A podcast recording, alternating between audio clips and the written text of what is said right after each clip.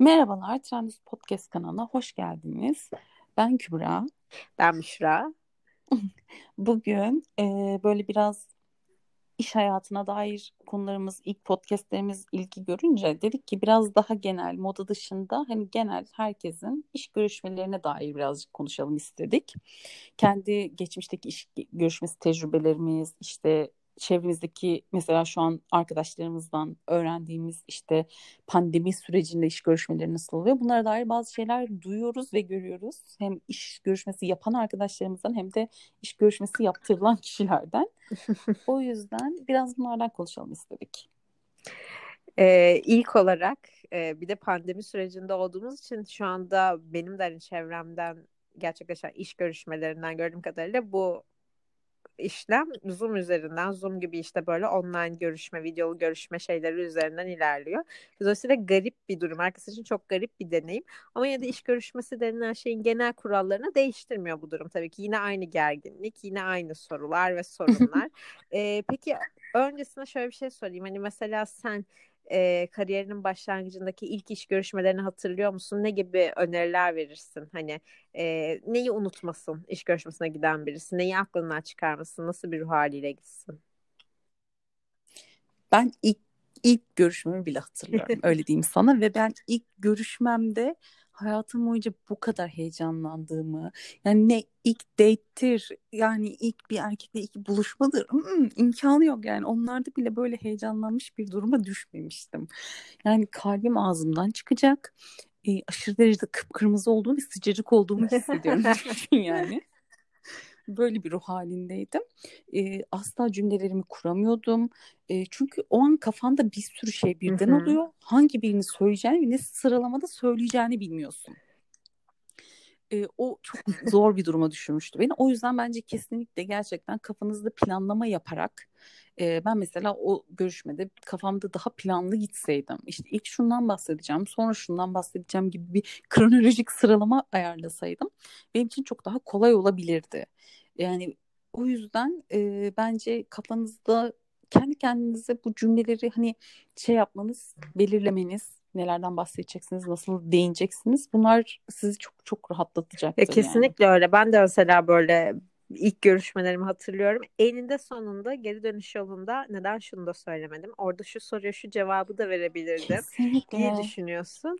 E, dolayısıyla hani komple bir pişmanlık. Ama şöyle bir şey var yani karşınızdaki insanlar zaten deneyimli birileri ise e, zaten hani onlar alacakları bilgiyi almış oluyorlar aslında. Sizin anlattığınızdan çok daha fazlasını anlamış oluyorlar. Hani görüşmeden sonra ekstra bir gerginlik yaşamayın derim ben. Çok da kafanıza takmayın.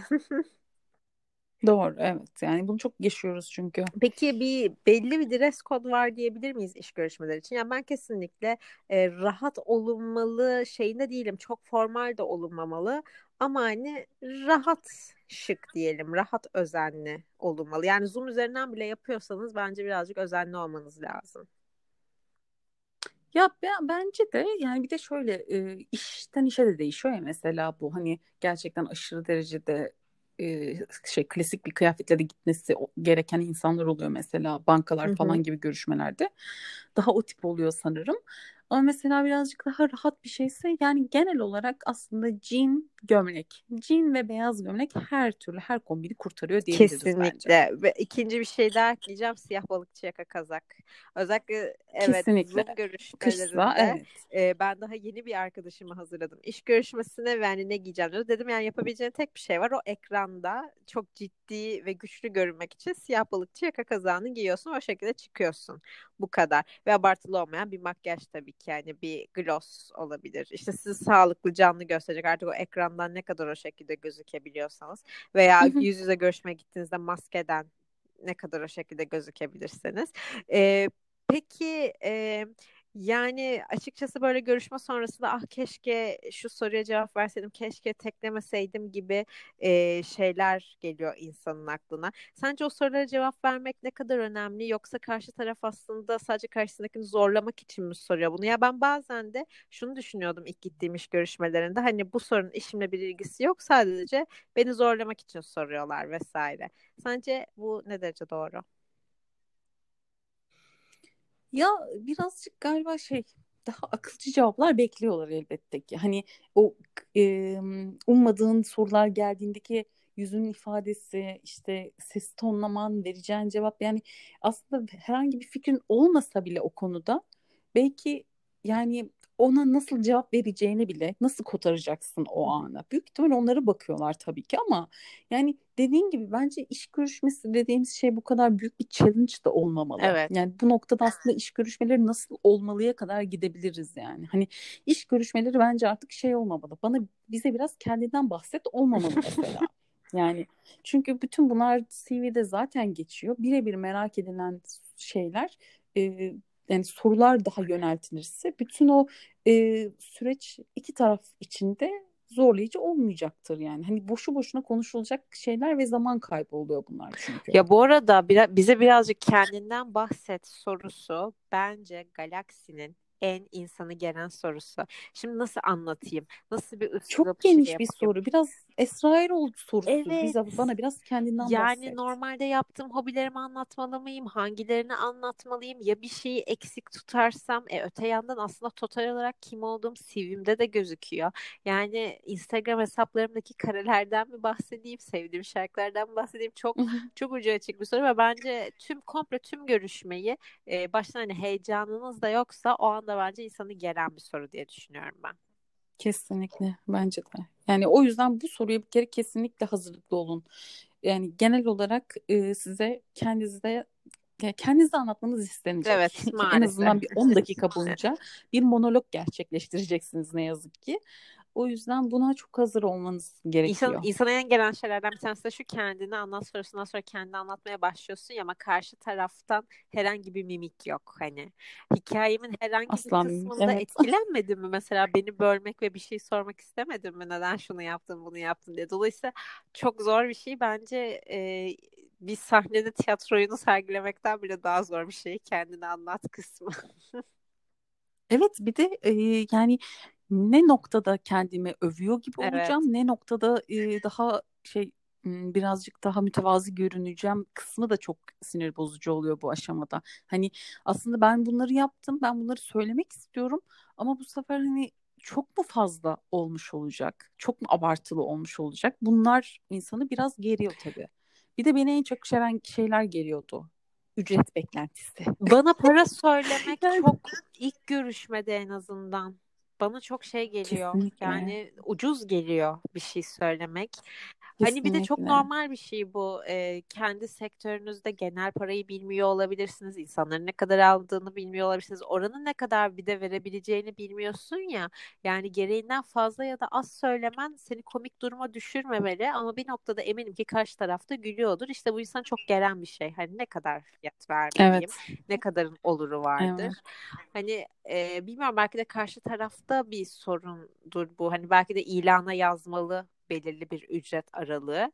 Ama eskiden öyle oluyordu bak kesinlikle. mesela. Eskiden hep o web sitelerinde aralık yazıyordu en azından. Atıyorum, e, değil mi? Yani işte 1000 2000 yazıyordu, 2000 3000 yazıyordu. Tamam sallıyorum şu an ama öyle bir uç aralık vardı. En azından ona göre hareket edebiliyordun ve ona göre başvurabiliyordun.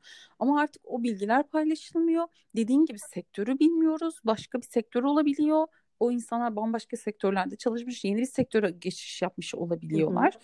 Hani e, ama bu sefer emeklerinin karşılığını almak istiyorlar ama bu sefer ya çok altında söylersem gerilmesi de oluyor insanlarda. O yüzden çok e, birazcık handikap gerçekten. Bana bu. iş görüşmesine yani verebileceğim en altın tavsiye, sana da bunu soracağım ama çok merak ediyorum senin altın tavsiyelerini. Ama kesinlikle benim önereceğim şey şu. E, birincisi sizden ne şekilde istenirse istensin size hep bir önceki iş yerinizi neden bıraktığınız sorulacak. Bence yapılacak en kötü şey bir önceki iş yerinizi yermek olacaktır iş görüşmesinde. E, çünkü haklı olarak onlar da birer işveren ve çalışanından sadakat bekliyor ve siz eski iş yeriniz hakkında o şekilde konuşursanız o insan size nasıl güvenecek? Bu bence en altın tavsiye. Diğer tavsiyemi unuttum. Ben onu anlatırken, ben onu düşünürken senin altın tavsiyeni dinliyor olacağım. Sana kesinlikle katılıyorum. Yani hani herhangi bir şekilde olumsuz bir mimik bile yani e, o an her şeyi bitirebilir. Buna kesinlikle çok dikkat edilmesi gerekiyor bence de. Ee, benim peki altın, başka? Benim altın tavsiyem Benim altın tavsiyem düşünüyorum yani öyle mucizevi bir altın tavsiyem yok sanırım. Yani çünkü her her şey farklı geçiyor. Ee, her görüşme insanlarda farklı geçiyor. Çünkü e, bazen ya şunu söyleyebilirim sadece çok aşırı resmi olmayın. Ben de onu diyebilirim sanırım. Yani birazcık daha işin içine espriler katabilirsiniz Hı. kendinizden. Ben ee, bir robot değilim daha... diye. Evet, ben bir robot değilim. Ben şu an işte yani kesinlikle özgüven, özgüvenli duruş ve özgüveninizi belli etmenizi önerebilirim. Çünkü bu sefer hani e, yani iş istiyorum, iş, yani sizle çalışmak istiyorum, sizi tanımak istiyorum. Ben siz beni kabul edin fikrinden bence sıyrılıp yani aslında son kararı verecek kişi sizmişsiniz gibi davranmanızı isterim ben. Çünkü aslında nitekim de öyle. Hı hı. Yani kendi kendinizi geliştirdiğiniz işte tüm bu yaptığınız birikimlerinizi düşünün ve o özgüvenle davranarak hani son noktayı ben koyacağım. Özgüveniyle konuştuğunuz takdirde gerçekten çok çok başarılı bir görüşme geçireceğinize eminim. Tabii ki de bunu ukalaca yapmanızdan bahsetmiyorum. Anlamışsınızdır beni o dengeyi sağlamayı. Ee, ama yani benim de çok olmuştu öyle çünkü hani mesela bana bana geliyordu görüşme isteği. Hı hı. işte görüşmek istiyoruz diye. Ben görüşüyorum ama sanki onlar ben onlara başvurmuşum gibi davranıyorum evet. atıyorum hani hayır öyle bir şey yok. Yani bir anda şey moduna bürünmeyin. Beni sevsinler. o hale girdiğin anda e, karşıda bir karşınızdakiler sizde bir galiba aciziyet fark ediyorlar. Bir şey görüyorlar. E, o da olumsuz sonuçlanmasının ne, ne, neden, neden oluyor. o yüzden fazla ne ne ne. Şu an iş görüşmesinde değiliz. Sakin ol. evet. O yüzden hani şey birazcık galiba özgüvenli bir şekilde davranmak iyi olacak diye düşünüyorum. Ya benim de bir diğer önerim de şu olacak. Şey sorusu bir de bu aralar benim çevremden duyduğum kadarıyla popüler. İşte X işi yapıyorsun diyelim ki. Ya bu e, nasıl desem ekonomiyle ilgili bir iş bile yapsanız böyle işte hangi yayınları takip ediyorsun, kimleri takip ediyorsun bu soru mutlaka geliyor. E, dolayısıyla işinizle ilgili yayın olur, Instagram hesabı olur, bir site olur, bir web sitesi olur.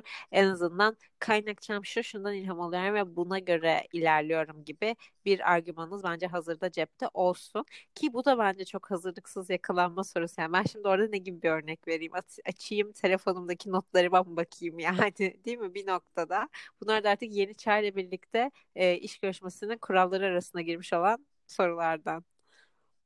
Evet ve mesela bir de şey galiba hani şunu da söyleyebiliriz bu seninkinden yola çıkarak gerçekten teknolojik olarak işte bu kanallar, ağlar, işte ulaşım yani bilgiye ulaşabildiğiniz yerleri gerçekten hani kolayca tak tak tak sayabildiğinizde e, sizin daha böyle ya aslında gerçekten günümüzde artık sosyalliğe ve dijitalle ne kadar aran var buna bakılıyor birazcık.